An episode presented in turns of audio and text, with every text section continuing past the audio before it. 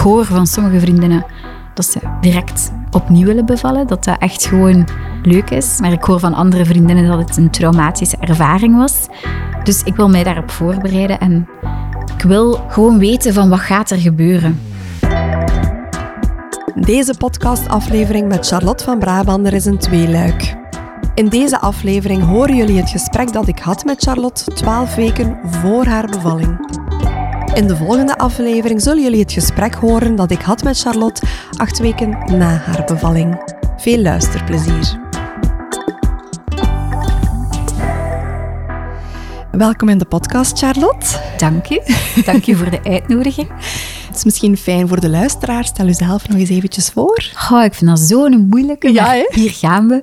Ehm, ik ben 33 jaar, zwanger van mijn eerste dochter. Ik ben nu 26 weken, wat relevant is voor de luisteraars, denk Mhm. ik. Ik ben een beetje een duizendpoot. Ik werk als HR-consultant fulltime.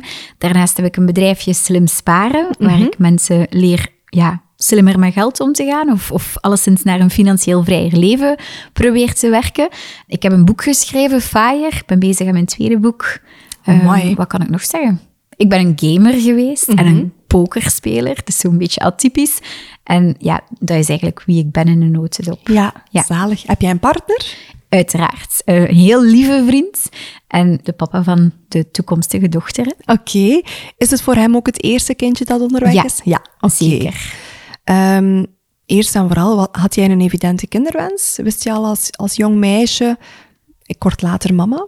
Ja, ik wou eigenlijk heel vroeg kindjes, zo rond mijn 25 jaar. Ik zei altijd voor mijn 30, maar dan mijn vorige partner wou niet direct kinderen en ik wou dat heel graag. Dus ik heb zo heel lang in een relatie gezeten waar het ging over van, kunnen we samen blijven als er geen kinderwens is? En ik wil echt niet nog drie jaar wachten. Drie jaar leek een oneindigheid. En dat was dan ook de reden van, van onze relatiebreuk, dat we dat uit elkaar zijn gegaan. Ja, ja. een dealbreaker geweest, helaas.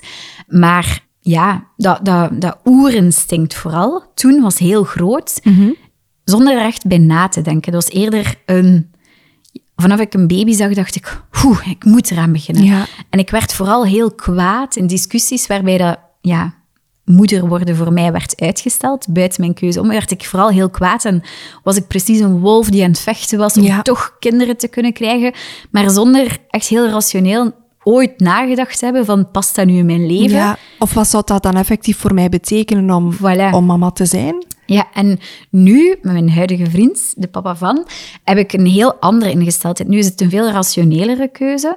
Heb ik iets minder dat oerinstinct van ik moet nu mama worden. Want ja, het is, het is meer een grijs tinten op dit Ja. moment. Van oké, ik weet heel hard dat ik kinderen wil. En dat merkte ik ook toen mijn huidige vriend zei van we gaan nog een paar maanden wachten. kwam dat oerinstinct wel boven van ja nee, want ik wil niet te lang meer wachten. Vooral ook, ik ben nu 33, word 34. En je had initieel die, een, die een leeftijdsgrens voor jezelf er zo Ook al. wat opgeplakt. En ook, mijn mama is zelf 38 geweest bij mij, 40 bij mijn zus. En ik wou altijd jong mama zijn. Ja. Ik wou niet te veel generatiekloven ertussen.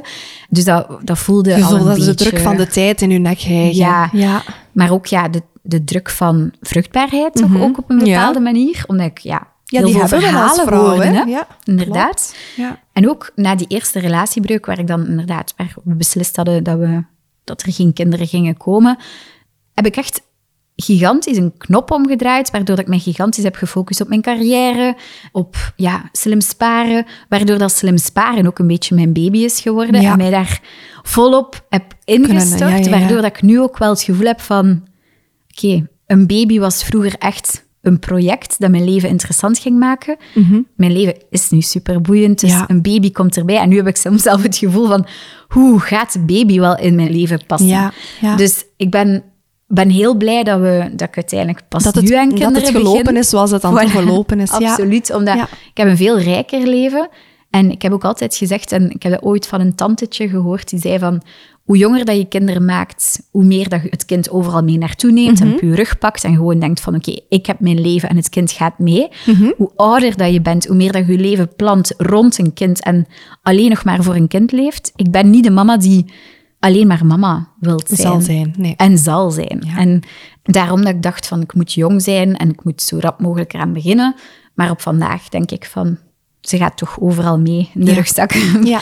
Baby of niet, maar ja, we zien wel. Ja. Ja. En dus je hebt eigenlijk nu wel het gevoel, want je bent nu 33, dat het eigenlijk wel een mooi moment in jouw leven is Ja. dat zij op komst is. Ja, leeftijdsgewijs, zeker mijn lichaam. Ik ben helemaal niet sportief. Ik merk wel dat, dat ik denk van als ik iets sportiever was geweest en iets jonger was geweest, was het misschien nog makkelijker Ja. gegaan. Dus leeftijdsgewijs denk ik dat vrouwen vandaag de dag veel te lang uitstellen. Uiteraard, alles hangt af van de juiste partner, Ja, de de juiste omstandigheden. setting, hè. omstandigheden. Ja. En de vruchtbaarheid. Ja, Ook, ook. ja, hè. Het, moet ook, absoluut. het moet ook willen lukken. Hè? Ja. Absoluut. Maar ja, zeker als ik denk aan een tweede, misschien een derde, denk ik van oké, we zijn vrij laat begonnen. Mhm. Maar eh, nee, ik heb geen regrets of zo. Oké. Nee. Ik ben heel benieuwd als je dan de relatie aanging met deze huidige partner, Mhm. de papa van jouw kindje nu. Was dat iets wat je heel vroeg in de relatie ook al navroeg of besprak van kijk, kinderen is voor mij wel echt een hele belangrijke, dat is wel wel een dealbreaker? Dat was- of heb je dat, ja. achter, heb je dat toch achterwege gelaten in Dat was date 1. En ik heb ook echt, toen ik ja, een nieuwe partner wou, was- het ook wel voor mij een non-negotiable dat die kinderen wou en dat hij daar geen drie jaar nog mee wou wachten. Ja. Want ik was van mijn vorige partner weggegaan omdat hij nog drie, vier, vijf jaar wou wachten. Ja. Ja, dan kun je niet mijn volgende partner zeggen van, voor u wil ik wel vijf jaar wachten. Jij wou echt wel Ehm, die duidelijkheid hebben en weten van oké, Ja. als, ik, als ik investeer Absoluut. in iemand, dan wil ik wel dat hij er zo wat hetzelfde Mhm. in staat. Ja. En het heeft uiteindelijk ook drie jaar geduurd voor we aan kinderen zijn begonnen. Want ja, je moet elkaar toch wel leren kennen. Maar het voelde niet aan als drie jaar, omdat ondertussen had ik inderdaad mijn bedrijfje gebaard. Dus gaat u Ehm, die andere voilà, baby. En de andere bezigheden. Dus de tijd is gevlogen. Maar op een bepaald moment had ik wel zoiets van, oké, nee, hoe, ik ben al 33, we moeten nu beginnen. Nee, het was eigenlijk toen ik 32 was. Ja. Eventjes geprobeerd, maar ik ben een echte controlefreak. Dus heel rap ook, ja, toch wel een check gedaan van, Mhm. kunnen we nog wachten? Want dat was een beetje de discussie. Kunnen we nog wachten? Bleek dat het ja, moeilijk zou zijn om, heel lang te wachten. ja, ja. En op de natuurlijke manier zwanger te worden. Mhm. Dus wij zijn een IVF-traject gerold. Of ja, IVF nadien. Eerst Inseminatie? inseminatietraject. Maar dat was ook een, ja, een rollercoaster. Ongelooflijk. En, en toen heb ik wel beseft, en dat probeer ik ook wel uit te dragen, die boodschap, van we denken dat we het leven kunnen plannen. En veel vrouwen, mannen ook waarschijnlijk, denken van het past nog niet in mijn leven, kinderen nu. Maar de vraag die je vooral moet stellen is, is de partner waarmee ik samen ben, en gaat dat een goede mama of papa zijn? En als het antwoord daar ja op is, dan denk ik dat we soms niet te lang mogen wachten. Ik vind dat we een beetje vanuit een luxe positie denken dat kinderen planmatig te maken zijn, maar dat is helaas helemaal niet zo. En dat was heel confronterend ook om Ja. te beseffen van, oh, ik ben al 33 en nu moeten we nog aan dat traject beginnen. Ja. En zo'n traject, dat gaat ehm, Dat kost ook tijd, heel veel emoties heel veel emoties. Ja. heel veel angsten. Omdat je, als je start, weet je niet, gaat het lukken. Ja, je weet niet waar dat je gaat eindigen. Hè? Je weet niet Exact. of dat je ooit aan die andere kant gaat komen te staan, als Ja. mama en als Ja. papa dan. Jullie zijn er dan uiteindelijk, toen als je 32 jaar was, voelden het voor jullie beiden als Mhm. oké, we gaan er eigenlijk gewoon wel actief voor gaan nu. Een tijdje geprobeerd op de natuurlijke manier. Geen zwangerschap die volgde spontaan. Was het dan een moeilijke stap om naar fertiliteit toe te gaan voor jou en jouw partner? Ja, omdat ik eigenlijk zo'n controlefreak was, hebben we niet zo lang op de natuurlijke manier geprobeerd. En ik was gewoon heel kritisch. Ik dacht, we zijn beide niet sportief, laten we ons alle twee checken. En dan inderdaad rap van de dokter ook gehoord, hoewel ik soms vragen heb bij fertiliteit van, is het ook niet vrij commercieel dat ze rap mensen binnentrekken? Een beetje te rap, achteraf gezien, maar dat komt later in de podcast, denk ik. Maar toen hadden we zoiets van, oeh, ja, het is eigenlijk misschien niet zo eh, standaard dat, dat we het zomaar kunnen plannen. Dus dan zijn we wel echt in een, ja, in een versnelling gegaan. Ja. En ja, dan ga je eigenlijk van romantisch met elkaar naar bed gaan naar Ja. eh, ovulatietestjes. Ja, het en, wordt ineens ehm, zo... ja. De klok zit er meer op. Hè? Er, er, eh, Volledig. En ja, vooral, het duurt enorm lang. Elke cyclus duurt alsof het een half jaar inneemt. Terwijl ja, een cyclus duurt bij mij gemiddeld 28 dagen. Maar elke cyclus is een nieuwe kans. Elke cyclus was een nieuwe teleurstelling. Ja. En ja, vooraleer dat je dan effectief zo'n IVF-traject mag starten, ik ben ook iemand die heel hard op mijn woorden durft staan en, en heel hard probeert dingen voor elkaar gedaan te krijgen. Dus ik had dan ook echt via mijn dokter, ja, via spoed toch een proces kunnen starten, IVF. Bleek dat ik toxoplasmose had, want ik had katten thuis. Ja. Ik heb katten thuis. En dan weer drie maanden Ja. wachten. Omwille van die, even voor de luisteraars, als je inderdaad een actieve toxoplasmose-infectie doormaakt, dan wordt er inderdaad aangeraden om toch een aantal maanden te wachten. Dus om niet zwanger te worden op het moment Ja. dat je inderdaad ziek bent. Allee, soms ben je daar zelfs niet ziek van, hè? maar Nee. dat je die infectie doormaakt. Ik hè. had het helemaal ook niet door, maar inderdaad, mijn kat had een ontstoken oogje. Dus ik dacht, oké, het zal daar wel van zijn dan. Maar dus drie maanden gewacht, dan naar het zuiden van Frankrijk op vakantie gegaan. Kwamen we terug in de kliniek en zeiden ze van, ja, het zuiden van Frankrijk, daar zit op dit moment Zika. Dus jij moet weer drie maanden wachten. Wat deed dat met jou? Ik werd echt kwaad. En Want dan als ik... controlefreak kan ik mij voorstellen, hè, je wil alsnog zoveel Ja. Mhm. mogelijk kunnen plannen, hè, voor zover dat dat kan in een fertiliteitstraject. Ja, als je dan twee keer op die rem moet gaan staan. Ja, ik weet nog heel goed. Ik had toen echt een heel druk leven. Ik was een boek aan het schrijven.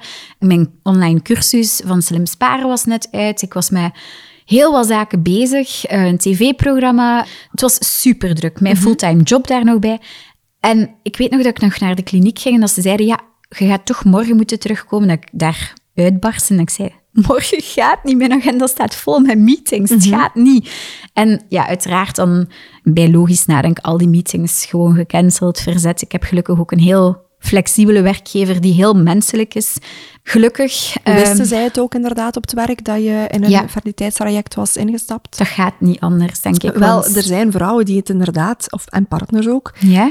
Die het alsnog niet vertellen. Wauw. Eh, zeker ja, mensen die kunnen thuiswerken bijvoorbeeld, die niet veel meetings hebben of een heel flexibele agenda Mhm. Ja. hebben, die proberen het inderdaad soms nog echt gewoon binnen het koppel te houden.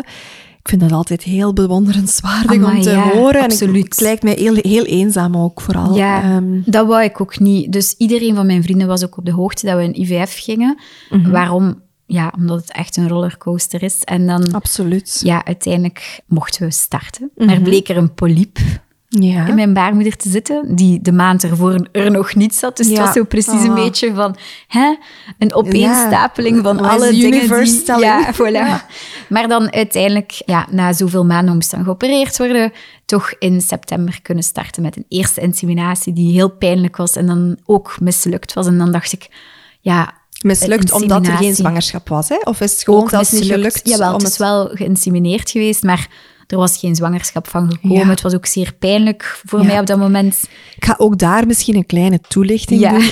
Want ik kan me voorstellen dat luisteraars die dit horen iets hebben van oei, oei, inseminaties, doet dat pijn? Gemiddeld gezien niet. Nee. Ik vermoed dat dit bij jou zal komen doordat er inderdaad een operatie geweest is aan die polyp. Exact. En dat er misschien een beetje littekenweefsel was. Of dat de vorm van het baarmoederslijmvlies wat Mhm. anders is als gemiddeld. Doordat er een operatie geweest is. Gewoon om de luisteraars een stukje te kunnen geruststellen. Mhm. Ja, dat is meestal compleet pijnloos, een eh, inseminatie. Ja, inderdaad, want we waren ook... Allee, ik had er ook helemaal niets van verwacht, maar ik weet dan ook... Ik ben ook een pokerspeler, dus ik ben iemand die heel rationeel en mathematisch door het leven gaat. En als je dan leest van kunstmatige inseminaties, 10% per cyclus, dan dacht ik, oeh, 10%, dus dat wil zeggen ja, dat we toch lang mogelijk gaan bezig zijn. En je moet er zes doen voordat je meestal naar IVF ja, overgaat. ja, dus ik ben daar heel benieuwd naar. Hoe ben je zo rap naar IVF kunnen overgaan? opnieuw de deur op tafel te slaan. Ja. Nee, ik ben... Ja, ik zeg het, ik sta echt op mijn eisen en ik durf wel uitspreken wat ik wil. En ik denk dat je dat ook wel moet kunnen doen soms. En ik heb gezegd van, ik voel me er eigenlijk echt niet goed bij. En opnieuw een afspraak gekregen met de professor, die dan zei, oké, we zullen beginnen met IVF. Ja. En dat was echt een goed gevoel, omdat je iets hebt van, oké, nu ligt ons lot in de wetenschap. Ja. Spuitjes prikken vond ik eigenlijk ook leuk, omdat je het gevoel hebt dat het vooruit Dat je, gaat. en dat je misschien participeert actief, dat je actief Ja. iets kunt doen. Exact. Inderdaad. Dus je bent bezig om de situatie op te lossen. Je zet elke dag die spuitjes. En ja, je gaat vooruit. Je staat niet stil. Ja. En ik dacht, oké, IVF valt eigenlijk nog wel goed mee. Zeker ja, die moment dat je begint aan spuitjes, 20 dagen, Mhm. en dan weet je, je hebt ongeveer terugplaatsing. Dus bij mij hebben ze dan eitjes ehm, Ja, misschien moet je dat ook Ze hebben de follicles geaspireerd. Maar bij jou is het onder narcose geweest of wakker? Ik heb een narcose gevraagd, omdat die inseminatie ook al zoveel pijn deed, Ja. dat ik dacht van, hoe, ik wil niet nog zo'n traumatische ehm, Ervaring. ervaring, want Ja. ik weet nog, mijn vriend stond naast mij en die is bijna flauw gevallen van de Tijdens de inseminatie. inseminatie. Oh jee. Van mijn, ge- Ja. van mijn gebrul. Dus, dus ik wou er echt niet meer. En dus alles onder narcose, Ja. wat heel comfortabel was uiteindelijk. Ja. Hebben ze 16 eitjes eruit gehaald. Dus dat was een heel mooi resultaat. Mhm. Absoluut. En ik was ook zo ondertussen heel veel podcasts aan het luisteren. En, en ik hoorde van vrouwen die al blij waren met één eitje. Ja. En, dus ik had... Ben sowieso een angstig, dus ik had al schrik van, oh nee, dat gaan er weinig zijn. Maar die 16, ja, ik weet nog Een dat ik heel vroeg, mooi resultaat. hè? na de Ja. pick-up, eerste dag ik vroeg toen ik uit narcose kwam. En hoeveel eitjes? Ja, en aangezien ik zo rationeel en mathematisch ben, zie ik mezelf dan ook op die Gauss-curve. Ja. Langs de bovenkant denk ik, yes, oké, dit ziet er heel goed uit. Ja. Waarvan er dan acht bevrucht waren, wat Ja. ook Ook- niet slecht nee, nee, was. nee. En dan, ja, dan moet je wachten. Hè. Ja. Hoeveel eitjes overleven er? En de waiting game, dat is eigenlijk denk ik het woord dat ik nu aan IVF koppel. Ja, Heel vervelend. ja. Ehm, en dat is iets wat dat denk ik heel veel mensen die een gelijkaardig traject hebben gehad, zullen kunnen beamen. Dus misschien even kort kaderen voor de luisteraars. Als je in een IVF-traject, of IVF of ICSI, maakt al niet uit de techniek, de ingreep en, en is eigenlijk een beetje hetzelfde. Je gaat eigenlijk in de eerste cyclushelft ga je spuitjes zetten. Enerzijds spuitjes om te voorkomen dat je zou ovuleren en anderzijds spuitjes om meer dan één follicle eh, te laten groeien in jouw eierstokken. In een normale cyclus is er maar één follicle die echt dominant zal doorgroeien, die dan gaat springen, waardoor dat er dan één eitje meestal vrijkomt. Maar in een IVF-traject willen we graag, eh, meestal wordt er gestreefd bij een jonge gezonde vrouw tussen de 10 en de 15 follicles. Dat is eigenlijk een mooi aantal om na te streven. En dan wordt er, dus eh, elke dag gaan die follicles groeien, groeien, groeien. Wordt er ook frequent verwacht voor echografie en voor bloednames, om te kijken hoe dat met die hormonen staat en hoe dat het met de groei staat. En dan op het moment dat we inderdaad een mooi aantal follicles hebben van een goede grootte, dan ga je een trigger spuiten en dan meestal een 36 uur later ongeveer volgt dan de eicelpunctie. Voor die eicelpunctie zelf moeten ze niet in jouw baarmoeder zijn, dus dat is niet te vergelijken met een eh, terugplaatsing of met een inseminatie. Er wordt eigenlijk via de vagina richting de eierstokken een prik gedaan om dan de follicles leeg te halen. We halen het vocht uit de follicles en dan hopen we telkens dat er in elke follicle ook een eicelletje zit. Eh, Want het is niet omdat je 10 follicles hebt dat je ook 10 eicellen hebt, dus dat is ook afwachten. Je had er dan 16. Dan is het zo dat we in het labo inderdaad gaan proberen om die eicellen te bevruchten. En dan is het een beetje afhankelijk van de techniek die gebruikt wordt, afhankelijk van wat de reden is dat er een fertiliteitstraject nodig is. Soms wordt er IVF gedaan, waarbij er een eicelletje in een heel eenvoudig in een petrischaaltje ligt, waarbij dat er miljoenen zaadcellen worden toegevoegd en dat die eicel zelf kan kiezen door wie dat ze zich laat bevruchten. En bij ICSI is het de laborant die er eigenlijk een goede zaadcel uit het staal haalt om dan te injecteren in de eicel zelf. In een notendop uitgelegd.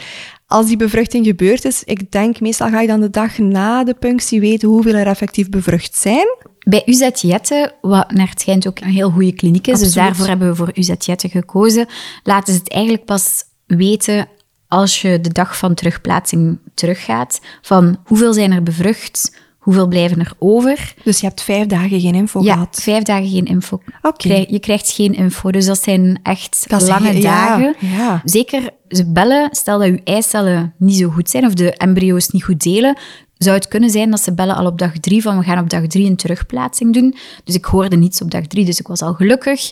Dag vijf mocht ik dan gaan voor een terugplaatsing. En dan ga je dus op dat moment maar ontdekken hoeveel embryootjes Ja. vijf gehaald hebben Ja. en hoeveel ze dus ook kunnen invriezen. tijdens de terugplaatsing. Maar mijn eierstokken waren zodanig pijnlijk na die pick-up.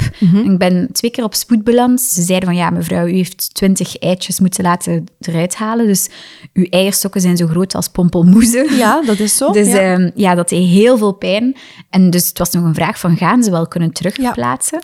Ja, Maar- want soms inderdaad laten we dan het lichaam eigenlijk, willen we dan die rust even gunnen Ja. Mhm. om die eierstokken mooi klein te laten worden. En laten we daar een cyclus tussen om dan in een volgende cyclus eigenlijk eentje uit de vriezer te halen om dan terug te plaatsen. Ja. En ik denk dat dat misschien bij mij ook wel moest. Maar ik was zo... Ja, hard Jij wou, jij wou voortgaan. voortgaan. Ik wist ook niet hoeveel eicellen er, of embryo's Ja, er embryo's, waren. Ja. Dus ik dacht van oké, we gaan gewoon voortgaan. Een natuurlijke terugplaatsing, zo- zonder dat de embryo moest ingevroren worden. We gaan er gewoon voor. En ik weet, toen ze hem terugplaatsten, dat hij eigenlijk helemaal geen pijn... Oké. eh dus dat was, ja... chill. Fijn voor jou. Heel ja. chill. Ja, En zeker weet- na die vorige ervaring. Ja, en dat was ook een heel leuke ervaring, want ik weet nog, mijn vriend en ik, we keken op een scherm. En we zagen echt zo'n puntje in de baarmoeder zwemmen. En ja, het was echt het gevoel van, oké, ik ben zwanger. Dat gevoel had ik van, dit gaat het zijn. Ja. En op een of andere manier, tijdens die terugplaatsing ook, zeiden ze van, er zijn er nog vier die aan het delen zijn. Dus Mhm. morgen gaan we kunnen weten of er nog in de vriezer kunnen embryootjes. Wat een heel gerust gevoel geeft, want dan weet je van oké, als dit niet lukt, Dan we nog een kans. heb ik nog kansen. Maar de dag nadien werd er dan gebeld dat er geen enkel had overleefd. En dat was heel chockerend, want ik wist, oké, misschien ben ik nu zwanger van deze, is het niet nodig. Mhm. Maar als het niet lukt, dan moeten we heel de cyclus opnieuw beginnen. Ja, ja, dan begint het proces van vooraf aan. Hè. Ja, Als dus je dat wil, hè. Ja.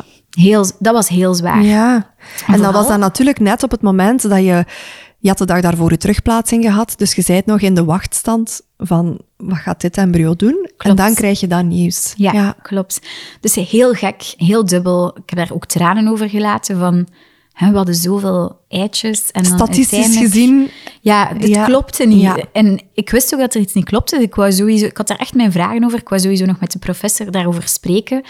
Maar al snel werd die twijfel wel gevolgd door nieuws dat ik zwanger was. Oké. Van de eerste terugplaatsing via IVF. En dan dacht ik, oké, we laten het los. De volgende is voor de tweede baby. Mhm. Ja. dus ja, dat was ehm, een hele rollercoaster. ja, kan ik mij voorstellen. Had jij zelf het gevoel inderdaad na die terugplaatsing de dagen daarna ook van, dit gaat hem zijn, ik ben zwanger? Voelde jij iets? Nee, ik had echt het gevoel van, dit is al gewonnen. Ik kan... Ja, ik was eigenlijk heel, heel gerust eigenlijk. Ik was er eigenlijk niet meer mee bezig. Het lag niet meer in mijn handen op een bepaalde manier. En ja, ik had wel wat koppijn gehad op- een bepaalde dag, terwijl ik nooit hoofdpijn had. Dus ik had er een goed gevoel bij. En ik heb ook veel rapper een zwangerschapstest gedaan dan ik mocht doen. Dan de bloedname? Ja, dus ik wist heel snel dat ik zwanger was en ik was super, super blij. En ik weet nog, dat was vorig jaar in oktober, denk ik. Ik ging meedoen aan een televisieprogramma, De Verraders. Wat Mhm. Dat was oktober misschien 22 nu wel dan, op televisie is. ja, in september komt het denk ik op televisie. September 23 dan, ja. Ja, dus dan eh, zullen we zien. Dus toen was ik zwanger. En ik weet nog heel goed, normaal gezien heb je na ongeveer acht weken je eerste echo. Maar als je in zo'n IVF-traject gaat, word je veel nauwkeuriger opgevolgd. En normaal gezien ging ik mijn echo hebben na de opnames. En ik was nog aan het denken van, is het dan ethisch dat ik aan dat programma meedoe? Want het was toch wel een heel zwaar psychologisch programma. Maar dan toch gedacht van, ja, nee, dit kan. Ik voelde mij ook totaal niet misselijk. Ik voelde mij supergoed. Ik verdikte niet. Ik, ik, ik, ja, ik voelde mij niet per se zwanger. Ik had alleen heel pijnlijke borsten. Ja. Wat mij natuurlijk wel heel gerust maakte. En ze hadden gezegd van, oké, we zullen wel nog een keer een echo doen voordat je naar het programma, naar het buitenland vertrekt. En dat was toen ook nog in Jette. En ik weet nog dat mijn vriend buiten kwam in de echo en zei, goed zo Charlotte, ik ben zo blij. En ik zei, nee, ik ben niet blij. Ze was niet enthousiast genoeg, de dokter. Het voelt Dat alsof, dat- zit. alsof het niet goed zit. En, weet je nog hoeveel weken exact je was op dat moment? ik was toen zes weken en twee dagen. Ja. En was En- er al hartactie te zien Nee, toen? er was geen hartactie te zien. En natuurlijk, ja, ik zit veel achter mijn gsm, achter mijn computer. En ik lees heel veel forum. En je weet, allee, soms zeggen ze van, je kan het vanaf acht weken zien. Maar de meeste vrouwen zien het toch wel Wel, vroeger. Ik ga ook hier misschien wat toelichting geven voor Ja. de luisteraars. Meestal in een natuurlijke zwangerschap wordt er een, inderdaad een eerste echo ingeplant. Ergens rond de acht weken. Dan zouden we heel duidelijk hartactie moeten Mhm. zien. Nu, vrouwen die een fertiliteitstraject gehad hebben, die krijgen meestal een eerste echo ergens tussen zes weken, vier dagen en zeven weken. Omdat er Mhm. eigenlijk op zes weken, vier dagen echt wel hartactie duidelijk zichtbaar zou Ja. moeten zijn. Ik kan me voorstellen, je zat daar dan twee dagen voor. Ja. We weten natuurlijk in een Exact. fertiliteitstraject exact hoe oud het embryootje was Mhm. als we het terugplaatsten. Dus we weten ook de exacte zwangerschapstermijn. Vaak zien we op zes weken en een dag of twee dagen ook al hartactie. Dus ik kan me voorstellen dat zeker, ja, ik Ja. kan me voorstellen, jij bent ook een pokerspeelster. Ja. Jij gaat de arts gelezen hebben, hè? Ja. inderdaad. En ze zei van, we zullen, we, ik weet haar woorden nog heel goed, we gaan zien of het verder groeit. Ja. En voor de rest was ze heel positief, maar die zin bleef nazinderen. En ik had iets van, hm, nee, het is, het is niet goed. Maar toch, ja, mijn vriend had mij dan moed ingesproken. En ik als controlefreak had in de auto direct naar het ziekenhuis gebeld. En direct ook gevraagd naar dezelfde arts. En ik zei van, moet ik mij zorgen maken? En ze zei op dat moment van, ja, we weten het niet goed. Het zal 50-50 zijn of er nog hartactie komt. Dus dat was heel, heel moeilijk. Gelukkig. Vaag. Heel vaag. Ja. Heel vaag. En ook ja, die dag, de dag erna vertrok ik dan Voor die opnames. Ja. Dus ja, je maakt een knop in je hoofd en je voelt elke dag aan je borsten. Ja. ik weet ook nog dat er eh, een, een hormonendokter mee was bij de opnames. En ik heb hem heel vaak gevraagd van, is dat normaal wat ik voel? En ja, het zit in je achterhoofd. Dus, en je lijf zit ook nog vol met hormonen van die IVF. Ja. Dus het was echt uh, een, een, ja... Een rollercoaster. Een heel grote rollercoaster. Ja. Ik was heel blij dat ik afleiding had, dat ik mij in een spel kon smijten, wat dat voor mij echt ja, een godsgeschenk was. Mhm. En na de opnames van dat programma ging ik dan op controle bij de echo. En bleek inderdaad dat het hartje nooit geklopt had. Ja. Dus ja, ik heb dan ook, omdat ik het ergens al voelde, denk ik inderdaad dat ik niet een heel zware klap heb gehad, maar wel de klap van, "Oh, ik heb geen eicellen meer in de diepvries. Geen embryootjes meer. Ja, geen embryo's meer in de diepvries. En Ja. dat was een heel zware. Ja, zo veran... Dus nu gaat dit betekenen dat we weer eigenlijk van vooraan start staan. Dat we weer Ja. Alles door absoluut. Ja. Ja. En, ehm, Hoe was ja, het voor uw vriend? Heel, nog zwaarder dan voor mij, denk Want ik. ja, je hebt die echo gehad. Hè? Vaag, Ja. we kunnen het niet zeggen, 50-50. Jij bent dan twee weken weg. Ik veronderstel dat jouw vriend niet mee was Nee. voor die televisieopnames. Dus die zat hier in België. Denkende dat inderdaad zijn zwangere vrouw bezig was in een programma. Want inderdaad, je hebt ook heel weinig of geen contact met het thuisfront. Amai. Dus ja, elke keer als, als ik dan hem een minuutje hoorde, was dat... Mijn borsten doen nog pijn, het is oké. En dan op het einde begon het zo van... Ja, ik maak me toch wel wat zorgen. En ik merkte ook, ja, het was sowieso ook een heel emotioneel programma. Een zwaar mentaal programma, Ja. echt een psychologisch experiment waar ik in zat. En ik weet nog dat ik zei van, "Oh, ik weet het niet, ik voel mij zo raar en ik weet niet of het goed komt. En ja, effectief, dan... Ik had Dan kreeg je die gevoeld het gewoon. En ik, ja. ik denk dat dat eigenlijk ook wel mooi is om... Als vrouw voel je zoveel. Je voelt als er iets goed zit en iets niet goed gaat. En Maar Ja. het, is, het is een hele... Ook dat, als, zeker als je in een fertiliteitstraject zit... Er is al zoveel dat niet natuurlijk is Ja. door die extra hormonen, dat, dat het denk ik net een supergrote uitdaging ook kan zijn om naar dat buikgevoel te kunnen terugkeren. Want er is zoveel ruis. nee, dat is wel waar. Ja, Nee, dat klopt eigenlijk wel. Want eigenlijk kan je ook niet vertrouwen op je lichaam. Want ja, die borsten die pijn deden, Ja. was niet door de zwangerschap meer. Dat was door de utero- de utrogestan utrogestan die nam, die ik ja. eh, nam. Ja. ja en, en je weet het inderdaad niet meer. nee, het is moeilijk. Ik wil ook, want je hebt daar juist gezegd, ik dacht, moet ik even voor de luisteraars ook nog toelichten. Er wordt inderdaad, nadat er een embryo is teruggeplaatst, gevraagd om op die dag een bloedname te doen. En om eigenlijk daarvoor geen urinaire testen te doen. geen zwangerschapstest in de urine te doen. En dat is met, een belangrijke reden. Enerzijds om inderdaad te vermijden dat je toch te vroeg zal testen en dat je dus een stukje teleurgesteld kan zijn, misschien onterecht. Maar anderzijds, afhankelijk van de trigger die je gespoten hebt, kan dat ook zwangerschapshormonen eigenlijk bevatten. Dus als vrouwen te vroeg gaan testen, zou het kunnen zijn dat ze niet zwanger zijn, maar dat ze eigenlijk door die trigger wel positief testen. Ik weet natuurlijk niet welke trigger jij gespoten hebt. We gaan hier ook niet merken noemen, want dat heeft ook weinig zin. Maar gewoon om wat context te hebben, dat is ook de reden dat ze echt wel adviseren om te wachten Ja. tot echt dat moment om te testen. Allee, dat, dat gezegd wordt dat je mag testen om dan de bloedafname te doen, net om die verwarring te vermijden. Absoluut. Ja, dat wou ik nog even toelichten. Ja, en ik wou misschien ook nog aanvullen dat in zo'n IVF-traject je gaat heel rap op forum terechtkomen. Waar heel veel lotgenoten zitten, omdat er heel weinig over wordt gepraat. En iedereen heeft zijn persoonlijke situatie, een aantal eicellen die uit de pick-up kwamen. Ja, iedereen heeft zijn eigen persoonlijke situatie. En je gaat dan gaan googlen op jouw Ja. persoonlijke situatie, op zoek naar lotgenoten. Want elk IVF-traject is zo anders. En inderdaad, dan lees je dingen waar dat je ook veel te hard in opgaat, of net te weinig hard in opgaat.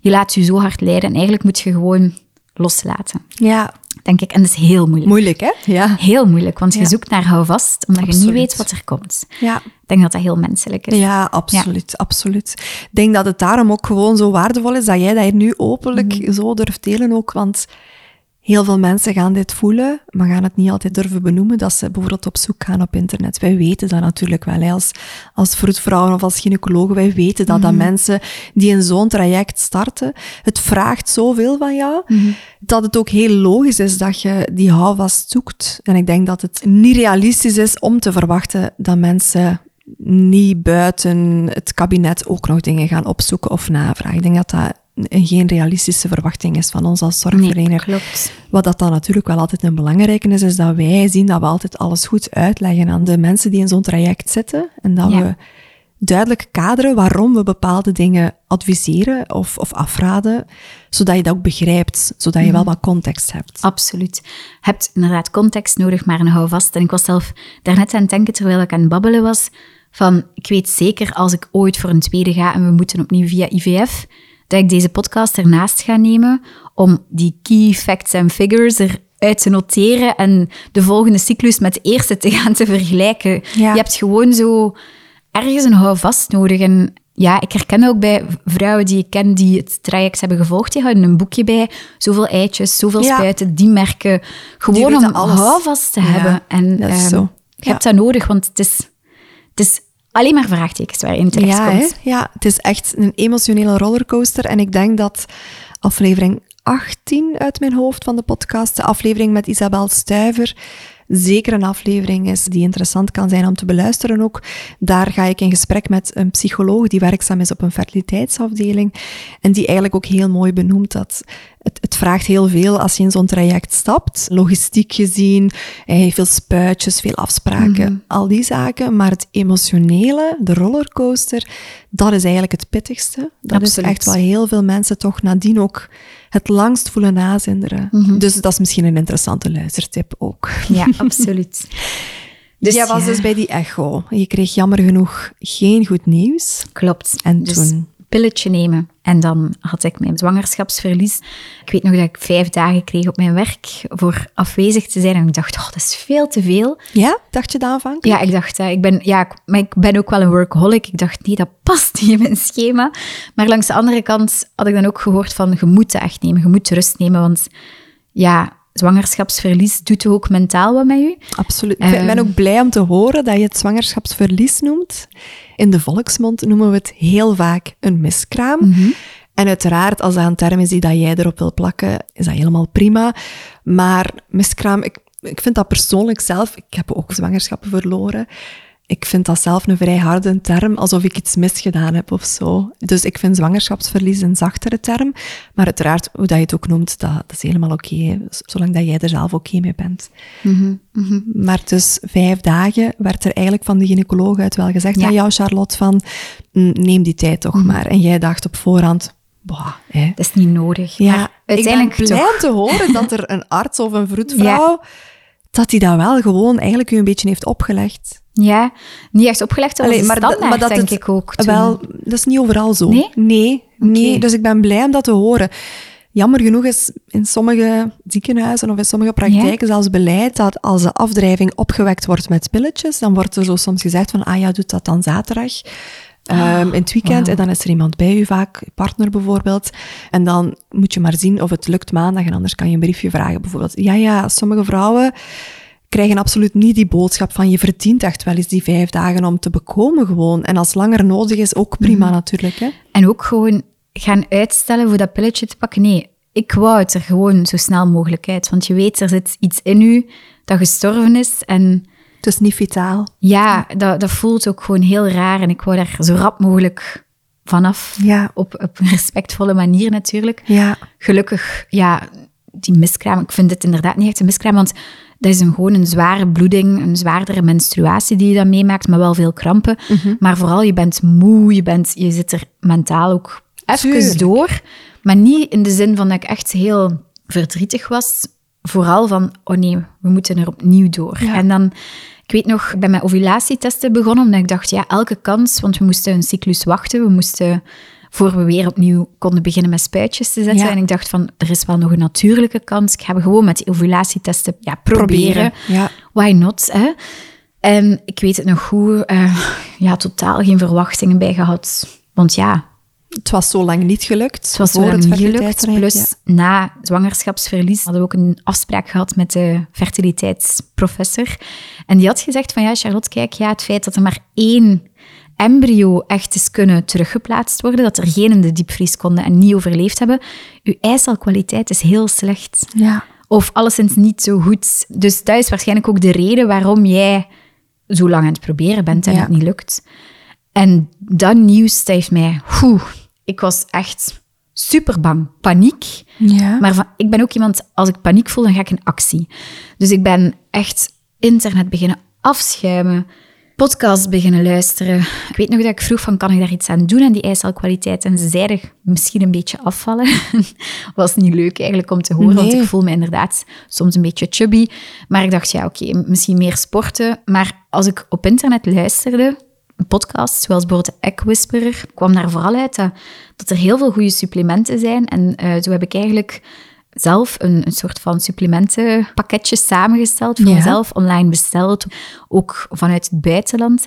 En één van die supplementen die me echt bijblijft, die ik ook iedereen aanraad die ja, eicelproblemen of zelf spermaproblemen heeft, is ubiquinol. En ubiquinol ik ben geen arts, dus en ja, corrigeer mij of inderdaad ehm, excuseer als ik foute dingen zeg.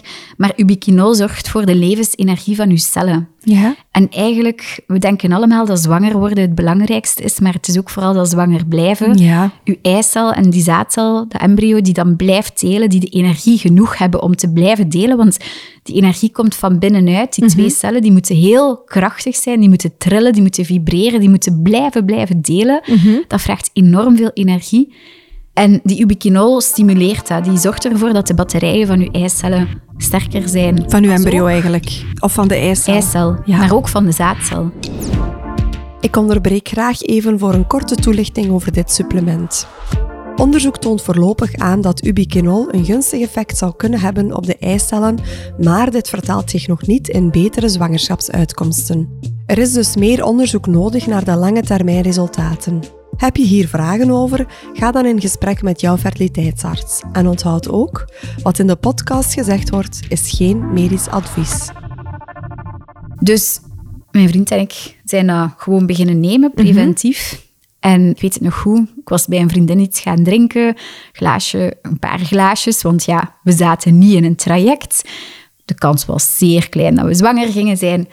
En ik weet nog, mijn mama was op bezoek en ik zei, "Goh, ja, misschien krijg ik morgen mijn maandstonden, maar je zit zo in die loop van testen, dus ik dacht, ik ga toch een testje doen. Ja. En dat was zwanger. Ik heb direct drie testen aan elkaar gedaan. en ze kleurden allemaal en ik dacht, huh, Hoe kan is dat dit? nu nog zwangerschaphormoon? Maar dan dacht ik, ja nee, dat kan niet, want in UZJ hadden ze ook gezegd dat het er allemaal uit was, dus Ja. dat, we mochten, dat de HCG was gedropt, dus dat we terug mochten beginnen. Het HCG is het zwangerschapshormoon. Ja. hè. Als het negatief is, weten we inderdaad. Er is Voilà. geen restweefsel meer aanwezig of zo. Ja. Dus ja, ik wist het, ik was weer zwanger, Ja. natuurlijk. Oké. En- Wauw. ja, ik was zo gelukkig. Gewoon, dat was een mirakel. En ik moet wel zeggen, en ik begrijp iedereen die een zwangerschapsverlies heeft meegemaakt, die kan nog niet 100% ook blij zijn de eerste weken, maanden. Ja. echt effectief. Ja. Ik weet het, de 20 weken echo was ik nog aan het denken. oh, het gaat niet meer leven. Je, je, je denkt altijd voor jezelf te beschermen vanuit de worst case. ja. Of er gaat iets mis zijn, ik mag nog niet binden aan dat kleintje. Ja. Dus ik heb mijn zwangerschap wel helemaal anders beleefd dan mijn Dan dat je zusje dat- bijvoorbeeld. Hoe Die, dat je het verwacht had dat je het zou beleven. die mensen die zorgeloos een eerste keer zwanger kunnen zijn, die eh, hebben een heel ander traject. Maar ik zou niet per se zeggen beter, want ik ben ook wel heel dankbaar. Het is echt een vechtertje. Je bent veel dankbaarder voor de natuur, wat het kan, als het een keer is fout gelopen. Maar je bent wel veel angstiger in je zwangerschap. Nu niet meer, gelukkig. Ik voel ze ook. Ja. Dus dat buikgevoel, ik blijf erbij. Het is soms enerverend, omdat je denkt van, oeh, Het is non-stop. ja, non-stop bijna. Zeker s'avonds nu. En vooral, ja, het komt heel dicht bij u. En Ja. je kent ze nog niet en toch voel je ze en ze zit in je buik. Hè. Ja. Het is een absurd gevoel, gewoon heel onmenselijk, heel mooi ook, maar soms ook confronterend. Ja. Maar ik ben ook heel blij, want Ja. het is Maar dat kan perfect ook naast elkaar bestaan. Hè. exact. Ik vind dat heel mooi dat je dat ook gewoon eerlijk verwoordt. Want ik denk dat ontzettend veel vrouwen voelen wat dat jij nu Mhm. beschrijft. En dat zegt helemaal niets over de, de dankbaarheid voor deze zwangerschap en hoe Mhm. welkom dat zij is. Maar je moogt het naast, naast alle leuke dingen die je mogelijk voelt, mag je het soms ook gewoon heel dichtbij voelen. Eh, allee, Mhm. Een beetje te dichtbij voelen, dat is ook helemaal oké. Mag het je soms overweldigen? Mag het soms confronterend zijn? Dat is ook helemaal oké. Ja. Dus ik vind dat eigenlijk net heel dapper dat je dat ook gewoon durft benoemen. Absoluut. Ja, ik ben iemand die soms prikkels rap te veel vindt. en ehm, ik denk, als mama ga ik iemand zijn die af en toe ook haar opsluit in de badkamer en een bad vult en even oordoppen en doet. En ik denk zelf, als ik dat soms zeg, luidop zeg bij vrienden, vriendinnen, vooral vriendinnen, krijg ik soms police moms bij de uitspraak van als ik een huilbaby heb, ga ik wel ja, ruisdemmende oordoppen in doen, zodat ik geen hartkloppingen krijg. Want ik wil mijn kind uiteraard horen, maar... En ik ga het altijd horen. Ik ga nooit geluid volledig stoppen, maar... Maar eh, huilen zorgt een stukje voor kortsluiting in je hoofd. Hè. Voilà. Ik, ik heb zelf twee, ehm, de, de, me- allee, twee kindjes gehad die ontzettend veel gehuild hebben. Daardoor heb ik podcasts ontdekt. Ik had echt een noise canceller op. En terwijl kon ik dan een podcast luisteren, zodat ik het huilen niet moest Ja. horen. Omdat dat mij gewoon kortsluiting gaf. En ik was uiteraard, ik was mijn kind aan het troosten. En ik liep daarmee rond. En Maar jezelf zei de rustiger, waardoor maar dat je dat ik echt afleiding had van het geluid. Ik had, oké, nee, ik ben me nu aan het focussen op iets anders. Dat hielp mij. Mhm, Ik ben blij dat je dat zegt, want ik krijg soms van sommige mama's ja, schuldgevoelens al, terwijl ik nog niet eens Ja, zo ver zo ver ben. is, ja. Van, je gaat toch geen oordoppen in doen, Charlotte, zo menselijk. Ik denk dat dat nodig gaat zijn in mijn geval om ja, geen hartkloppingen te hebben en om rustig... Je gaat inderdaad, denk ik, vooral heel kunnen goed moeten voelen wat dat, u, wat dat uw draagkracht is en wat dat Mhm. uw draaglast gaat zijn. En als jij inderdaad voelt dat ik, ik raak hier overprikkeld, Mhm. dit zorgt ervoor dat ik zelf als mama gewoon ontzettend onrustig word. Ja, dan denk ik dat het net heel verstandig is dat jij op zoek gaat naar wat helpt jou om rustiger om te kunnen gaan met de moeilijke situatie waarin dat je zit. En ik, ik geef ook zelfs dat advies aan mama's en aan papa's. Als jij een baby hebt die ontzettend veel huilt en je bent, je staat er op een dag alleen voor en je hebt het gevoel, deze kan ik niet meer, ik wil dit nu niet meer. Je kunt daar echt zo boos van worden. Ik kan bij mezelf die boosheid ook nog heel hard voelen. En de machteloosheid. Ja, dan is het nog altijd veiliger om jouw baby, als er niemand anders is, even veilig in een wipper of in een parkje of wat dan ook te leggen. En even zelf te zakken. Even, even buiten te gaan, desnoods. Even tot adem te komen, zodat je ook gewoon je eigen zenuwstelsel wat tot rust krijgt, zodat jij weer responsief Absoluut. kan zijn voor je baby. En uiteraard, bij voorkeur, geef je die baby, als die het lastig heeft, aan iemand anders. Uiteraard, maar ja, soms gaat het misschien praktisch niet haalbaar zijn. En ik vind dat ook alleen maar dapper, dat je gewoon je eigen grenzen nu al een beetje aan het, aan het exploreren bent. Wat zouden mijn grenzen kunnen zijn en wat zouden oplossingen kunnen zijn? Ja, want ik merk dat bijvoorbeeld als mijn vriend gedronken heeft, durft hij snurken. Anders gelukkig nooit. Dat vind ik heel belangrijk. Dat was ook een van mijn selectiecriteria. Nee, grapje.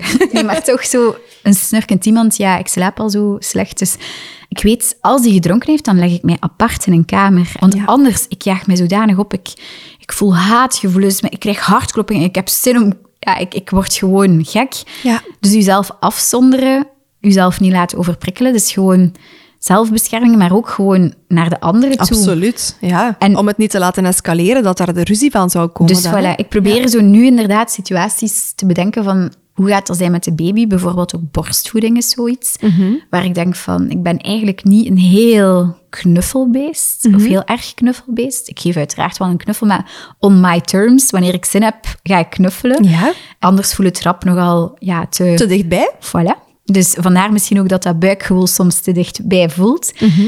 Maar ook daar, ik zou heel graag borstvoeding geven, omdat ik ook weet van borstvoeding, er zijn voordelen uiteraard voor de baby, het is Mhm. gezonder, maar ook voor de mama. Je hebt per jaar dat je borstvoeding geeft 6% minder kans op borstkanker Te ontwikkelen, ja. te ontwikkelen. Voilà. Dus dat vind ik ook wel een heel belangrijke. Dus ik wil het proberen. Ja. Ik ga de lat niet hoog leggen, maar ik wil het proberen en ik ben heel gedreven om te proberen. Maar ik heb er wel, ik vind het heel belangrijk dat je daar op voorhand over nadenkt van wat ga ik leuk vinden, wat ga ik niet leuk vinden. Ja. Dat s'nachts opstaan om die twee uur, drie uur, gaat heel pittig worden voor mij. Dus ik heb nu al echt een proces in mijn hoofd van als ik een zware nacht ga hebben, ga ik vragen aan mijn vriend om de baby te nemen. Ik ga kolven. Ik ga zien dat er melk klaar staat. Ik ga ook twee weken voor mijn bevalling, al besproken met de gynaecoloog, beginnen kolven. Het is iets heel Amerikaans. Ja, antinataal kolven is Ja. dat. Mag ik daar iets over zeggen? Graag.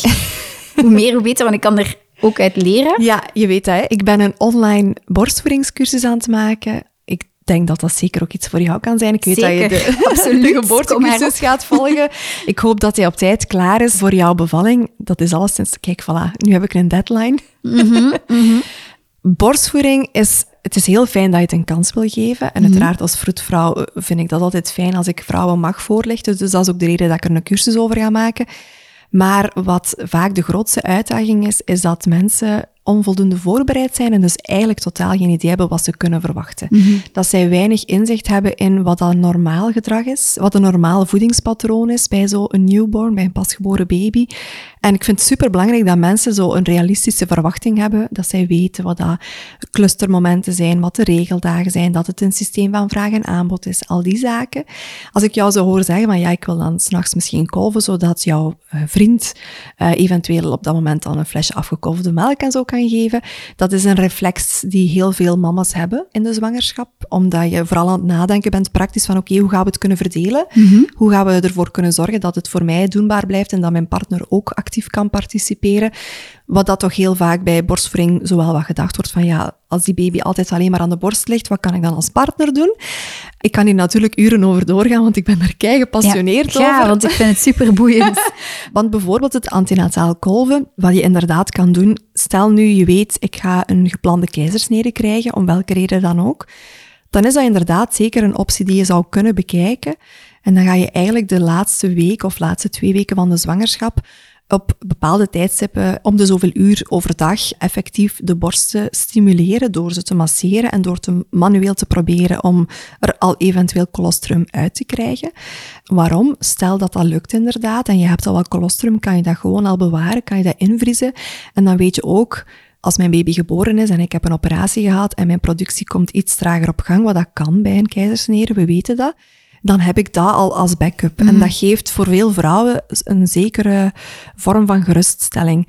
Een belangrijke kanttekening die ik daarbij wil maken is, het kan zomaar zijn dat jij een vrouw bent die eigenlijk geen druppel kolft, die geen druppel kan afkolven voordat leer dat jij bevallen bent. Je hebt twee typen vrouwen. Je hebt vrouwen die inderdaad al effectief colostrum aanmaken en loslaten in de zwangerschap. Maar je hebt ook vrouwen die geen druppel hebben in de zwangerschap en die echt een prima productie hebben nadien. Dus dat geeft nul voorspellende waarde over je productie nadien. Ja. En ik vind het altijd een hele belangrijke als vrouwen die dat overwegen, dat je ook weet, wat gaat dat met mij doen emotioneel? Als het niet lukt. Als dat niet lukt, Ervoor. daarvoor. Als ik dan inderdaad merk na twee weken zo intensief kolven, ja, ik heb nu nog geen druppel, wat gaat dat met mij doen? Mhm. Bij sommige vrouwen kan dat ook in het hoofd kruipen van ja, maar ja, ik heb nu Geef al nu niks. al ja. Ja. En we weten gewoon dat er een ontzettend grote invloed is van het mentale stukje bij borstvoeding. Ontzettend Mhm. Ah, oké. groot. Ah, wel, Maar door dat te weten, vind ik het al perfect. Oké, als het niet komt, dan ga ik misschien zelf blij zijn. Want, ja, je weet, allee, het is, Het is, daarom, het is 50-50 mag- en het heeft nul voorspellende Voilà. waarde. Maar ik kan u daar een hele interessante podcast ook voor geven, waar dat ze dat echt keihard in detail uitleggen. Dus die ga ik u zeker Maar ik ga je borstvoedingscursus volgen, Ja. denk ik. Want inderdaad, ik vind daarover nadenken zo cruciaal. En ik heb vriendinnen die nu ook zwanger zijn en wie dat ik vraag, ga je borstvoeding geven? Ik ga proberen. En dat zit waar ze over nagedacht Ja. hebben. Ik weet bij mijn zusje, toen zij op haar 25 haar eerste kindje had, in het ziekenhuis hebben ze het al rap gezegd, kom, we zullen maar met flesjes beginnen. Ja. En ik weet niet of ze dat nu erg vindt, maar ja, ik vind het moet een bewuste keuze zijn. En voor bewuste keuzes moet je gewoon kennis hebben. En Exact dat. En dat vind ik zo leuk aan jou, Charlotte. ja, ik vind dat kei leuk, want wat dat jij nu zegt, heel veel vrouwen gaan dat kunnen beamen, jammer genoeg. Heel veel vrouwen gaan erin van, ja, ik ga dat proberen, we zullen dat wel zien hoe dat, dat dan loopt. Hè, uw borsten zijn daar toch voor gemaakt, dus dat, dat komt wel goed. We weten dat heel veel vrouwen de intentie hebben van best wel een bepaalde periode borstvoeding te geven. En als we dan naar de cijfers kijken, zien we dat er ontzettend veel vrouwen in week 1, 2, 3 en 4 afhaken. Mhm. Vrouwen die eigenlijk op voorhand toch de wens hadden of de intentie hadden om een langere periode borstvoeding te geven. En net daarom is die educatie zo belangrijk. Net daarom is het zo belangrijk dat je je voorbereidt en niet alleen jij, maar ook je vriend. Zodat jullie allebei weten wat is een normaal patroon, wat kunnen wij verwachten en wat kunnen wij eigenlijk inzetten om onze kansen te vergroten, dat we gewoon een realistische blik hebben, een realistisch idee hebben op hoe gaat dat in zijn werk gaan. Want waarom stoppen de meeste vrouwen binnen die eerste weken? Omdat ze pijn hebben, omdat ze vaak een slechte aanhaptechniek hebben, omdat de baby niet ideaal aanligt. Dus dat is de eerste reden. En de tweede reden, en de meest voorkomende reden, is omdat vrouwen denken dat ze te weinig melk hebben. En het is heel frappant. Eigenlijk, wetenschap is er nog niet helemaal over uit, maar tussen de 1 en de 3 procent van de vrouwen zou effectief, met een helemaal goede ondersteuning en een goede voorbereiding, inderdaad te weinig klierweefsel hebben, waardoor zij misschien niet exclusief of niet exclusief voor een lange tijd zouden kunnen borstvoeden, maar dat is maar 1 à 3 procent van de vrouwen. Maar 50 procent van de vrouwen denkt dat zij die 1 à 3 procent is. Ja. En dat is En- echt een belangrijke nuance. Ik denk dat dat controlefreak zijn heeft zijn nadelen, believe me. Maar ik denk dat mijn controlefreak zijn daar echt ook zijn voordelen heeft. Want ik ben drie weken geleden op mijn 23 weken zwangerschap al naar Mama Latte gegaan Ja. in Ekeren. En daar zeiden ze ook van, ik heb daar alles gevraagd van, ik wil kolven, welk machine kan ik huren, Mhm. kan ik dat op voorhand starten? Ze zei, ja, bespreek het met je gynaecoloog, kan contracties en Ja, eventueel vroeger bevalling opwekken, maar te bespreken dus. En ik heb dan ook de vraag gesteld van, hoe vaak komt dat voor? Mhm. Wat je nu net zegt, hoe vaak komt het voor dat je niet genoeg melk hebt? Want dat is niet mijn grootste zorg, maar wel één van de zorgen. En dan zei ze ook van, dat komt heel zelden voor. Mhm. Absoluut, en ja. worst case vul je nog aan met iets anders. En ik denk, door dat te weten, mijn verwachtingen liggen niet hoog, maar het, het float wel. En ik wil gewoon voorbereid zijn. En ik Voilà. wil die kolf in huis hebben. Ik wil daar niet nog België voor rond moeten rijden. Ik wil dat dat... Ik, ik wil gewoon mijn dat geeft, opties jou, hebben. dat geeft jou misschien mentale rust, dat Ja. je weet, er is een backup plan Voilà, dat ik hopelijk niet nodig heb. Exact. En ook, dat is een beetje ook vanuit mijn slim sparen visie. Hè. Ik vind, mensen moeten een financiële buffer opbouwen voor een financieel vrij leven. Niet zozeer omdat je al het geld en vrij gaat gaan leven, maar gewoon het kunnen hebben geeft een fijner leven. Net zoals met die borstvoeding. Stel dat dat lukt, hopelijk ben ik bij die borsten die inderdaad al melk afgeven voor de bevalling, maar stel dat ik al een flesje heb staan en ik ben echt... Het gaat een spuitje zijn, hè. dat gaat zelfs Of geen een flesje zijn. hè. Dat gaat echt over een half cc'tje of een cc'tje. Hè. Oké. Ja, ja. Maar als ik al twee weken aan het kolven zou zijn... Ja, dat kan, het kan zijn Het kan. dat je, dat je na een twee weken intensief kolven tot 10 cc geraakt, maar dat is heel uitzonderlijk hoor. Ah ja, oké. Ja, ja. Ja, Dat is goed, maar kijk, voilà, door Ja, erover voilà. te praten, Ja, want wa- daarom zit ik hier ja, ook om bij te signaal leren. zou je anders hebben als je denkt van, oeh ja, ja, ik had gedacht dat ik wel al 30, 40 cc. Dat hoeft ook helemaal niet. Uw baby heeft in het begin telkens maar een paar druppels nodig. Mhm. De natuurlijke maaginhoud van een baby is maar zoals een knikkertje. En wij denken, ah ja, een flesje, hè, bij zo'n pasgeboren baby, als je flesjes geeft, ja, daar wordt al direct 30 cc in gedaan. Dat is eigenlijk, eigenlijk respecteert dat niet de natuurlijke maaginhoud. Mhm. En zeker dat colostrum, dat is zo waardevol, dat is vloeibaar goud. Dat is, echt, dat is echt vloeibaar goud. Daar hebben ze de genetische code nog niet helemaal van kunnen kraken. maar ehm, een baby heeft effectief telkens maar een paar druppels nodig. Mhm. Maar ik- dat zijn allemaal zaken die je in de borstvoedingscursus ook gaat leren. Voilà. Ik ben heel benieuwd ook, Charlotte. Je bent een controlefreak, je zegt het zelf. Mhm. Dat kan dan twee kanten op gaan. Je hebt dan het, het ene deel van de vrouw die iets heeft en een eerste zwangerschap van ja, die bevalling, ik heb daar toch niks te controleren in. Ik moet mij daar een beetje aan overgeven. Mhm. Ik zie het wel. En dan heb je een ander deel vrouwen die iets heeft van ja, oké, ik wil eigenlijk gewoon het proces snappen. Ik wil al mijn opties kennen. Ik wil weten wat ik kan verwachten. Ik ben geen jij- detailist, dus ik ben denk ik toch de eerste groep Mhm. die het over mij gaat laten komen. Ik ben ook wel gemakzuchtig, want ik ben... Ik denk dat kolven bijvoorbeeld is ook... Ik heb schrik dat, dat die pijn gaan doen aan... Allez, het gewone zuigen, dat dat pijn zou doen aan mijn tepels. Dus ik denk van... Ja, nee, laat ze inderdaad maar gewoon kolven. Mhm. Ook omdat ik niet zo affectioneel ben, maar dat kan allemaal veranderen. Misschien draai ik nog... Ik weet het niet. Maar in ieder geval, ik denk dat ik zeker niet de mama ga zijn die... Ja, ga beginnen roepen als mijn kind zand in haar mond steekt in de zandbak. Dan denk ik van, oké, hoe nu ga je leren dat dat niet lekker is? Ja. Ik denk dat ik dat goed ga loslaten, maar ik wil wel kunnen loslaten met kennis. Ik, ik investeer ook Iedereen heeft iets van, ja, nee, ik wil niet beleggen in aandelen, want dan moet je keihard mee bezig zijn. Dat gaat mij stress geven. Nee, ik, ik heb het losgelaten. Ik weet wat ik aan het doen ben. En ik denk dat het angst en stress komt vanuit onwetendheid. Ja, absoluut. En ik voel veel angst en stress. En daarom dat ik wel controle wil over... Ik wil mij zo goed mogelijk voorbereiden. Maar als ik vertrouwen heb in het proces en in de mensen rondom mij, en zeker ja, mijn gynaecoloog is een topgynaecoloog, denk ik. Ja, nee, ik kan wel loslaten, maar mijn deeltje, ik moet wel weten wat ik aan het doen ben en waarom ik iets doe. Ja, en wat je toch een stukje kan verwachten. Ja, want inderdaad, ik ben heel veel wijzer geworden dat ik misschien een spuitje kan melken voor eh, de bevalling in 50% van de gevallen. Mhm. En misschien helemaal niets in de andere 50%.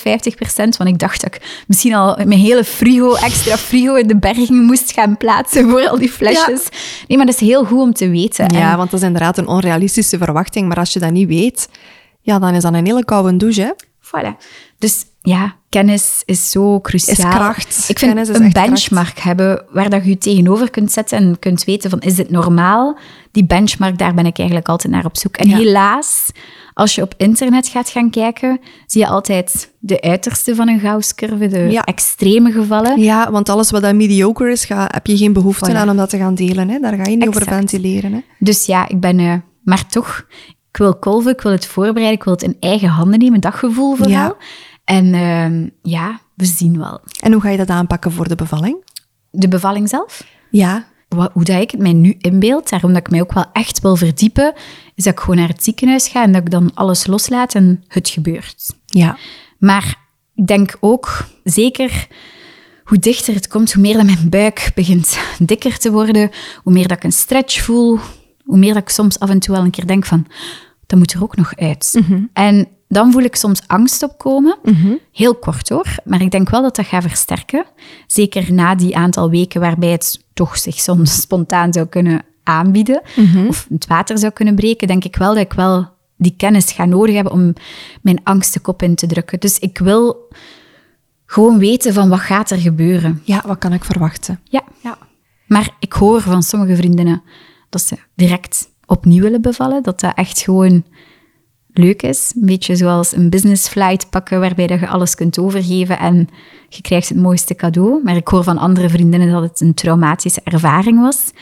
Ik wil mij daarop voorbereiden en ja, ik denk dat de kans dan op een traumatische ervaring minder groot is. Ik ga daar ook iets heel kort over zeggen, want dat is natuurlijk mijn, mijn winkelstukje. Ja. Vrouwen die, of partners, want ook als partner kan je secundair getraumatiseerd zijn door een bevalling. En als zorgverlener trouwens ook. Hè. Uh, die een bevalling als traumatisch ervaren, dat gaat hem niet per se om hoe dat die bevalling technisch verlopen is. Dat gaat hem eerder om wat dat, dat met jou gedaan heeft, welke wonden dat dat bij jou gemaakt heeft. Eigenlijk een stukje leed op leed, zoals we dat noemen. Dus de uitspraken die gebeurd zijn, het feit dat jij als vrouw of als partner niet betrokken bent geweest in beslissingen die genomen zijn. Het feit dat jij het gevoel had van ja, het is ons allemaal overkomen. Wij, wij hadden niets te zeggen, wij moesten het maar ondergaan. Dat is wat vaak vrouwen of partners als het traumatische ervaren.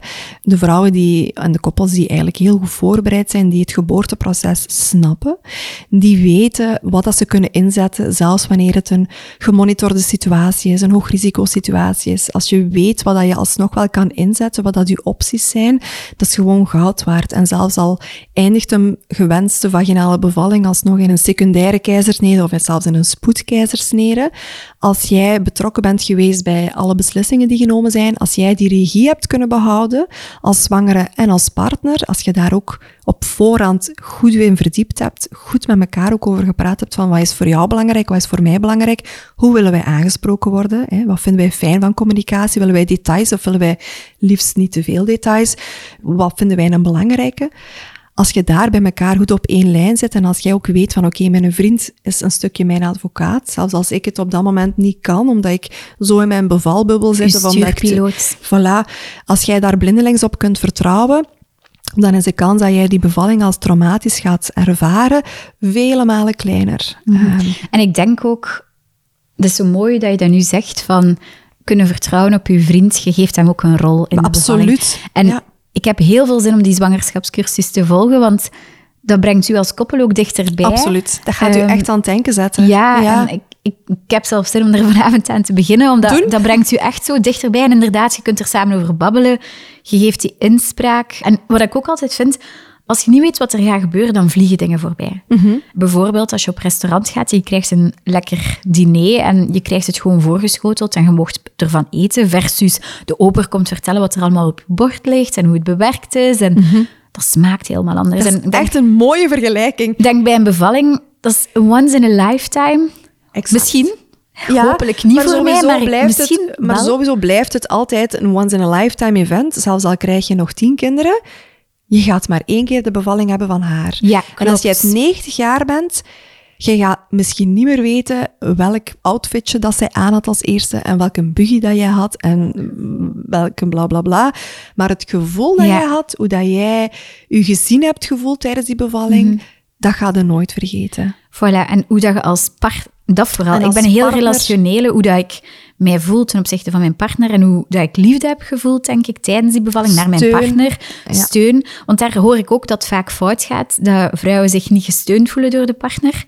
Maar ik denk inderdaad, ja, als je geen kennis hebt, dan heb je Ja. geen nood om het stuur even te pakken of Ja, te helpen of wat Als dan dat ook. niet uw winkel is, dan kan ik me heel goed voorstellen Ja. in een verloskamer. Ik bedoel, ik heb het al meer dan genoeg gezien, dat partners daar ja, een stukje Verstijf. verstijven. Hè? Een stukje van, Of ja, flauw vallen. Eigenlijk zelden. Daar hebben heel Want veel partners inseminatie toen. Ja, maar dat is ook een helemaal niet natuurlijk iets. Dat is, dat is een, Dus- heel ander proces. Dus ja, dat, heeft dat, niks- voorspelt heeft niet dat Pieter nee. gelukkig. Nee, absoluut niet. Integendeel, oh, ik vind het zo fantastisch om partners mee voor te bereiden. Dat zijn kei vaak zo'n fijne bevallingen om te begeleiden ook.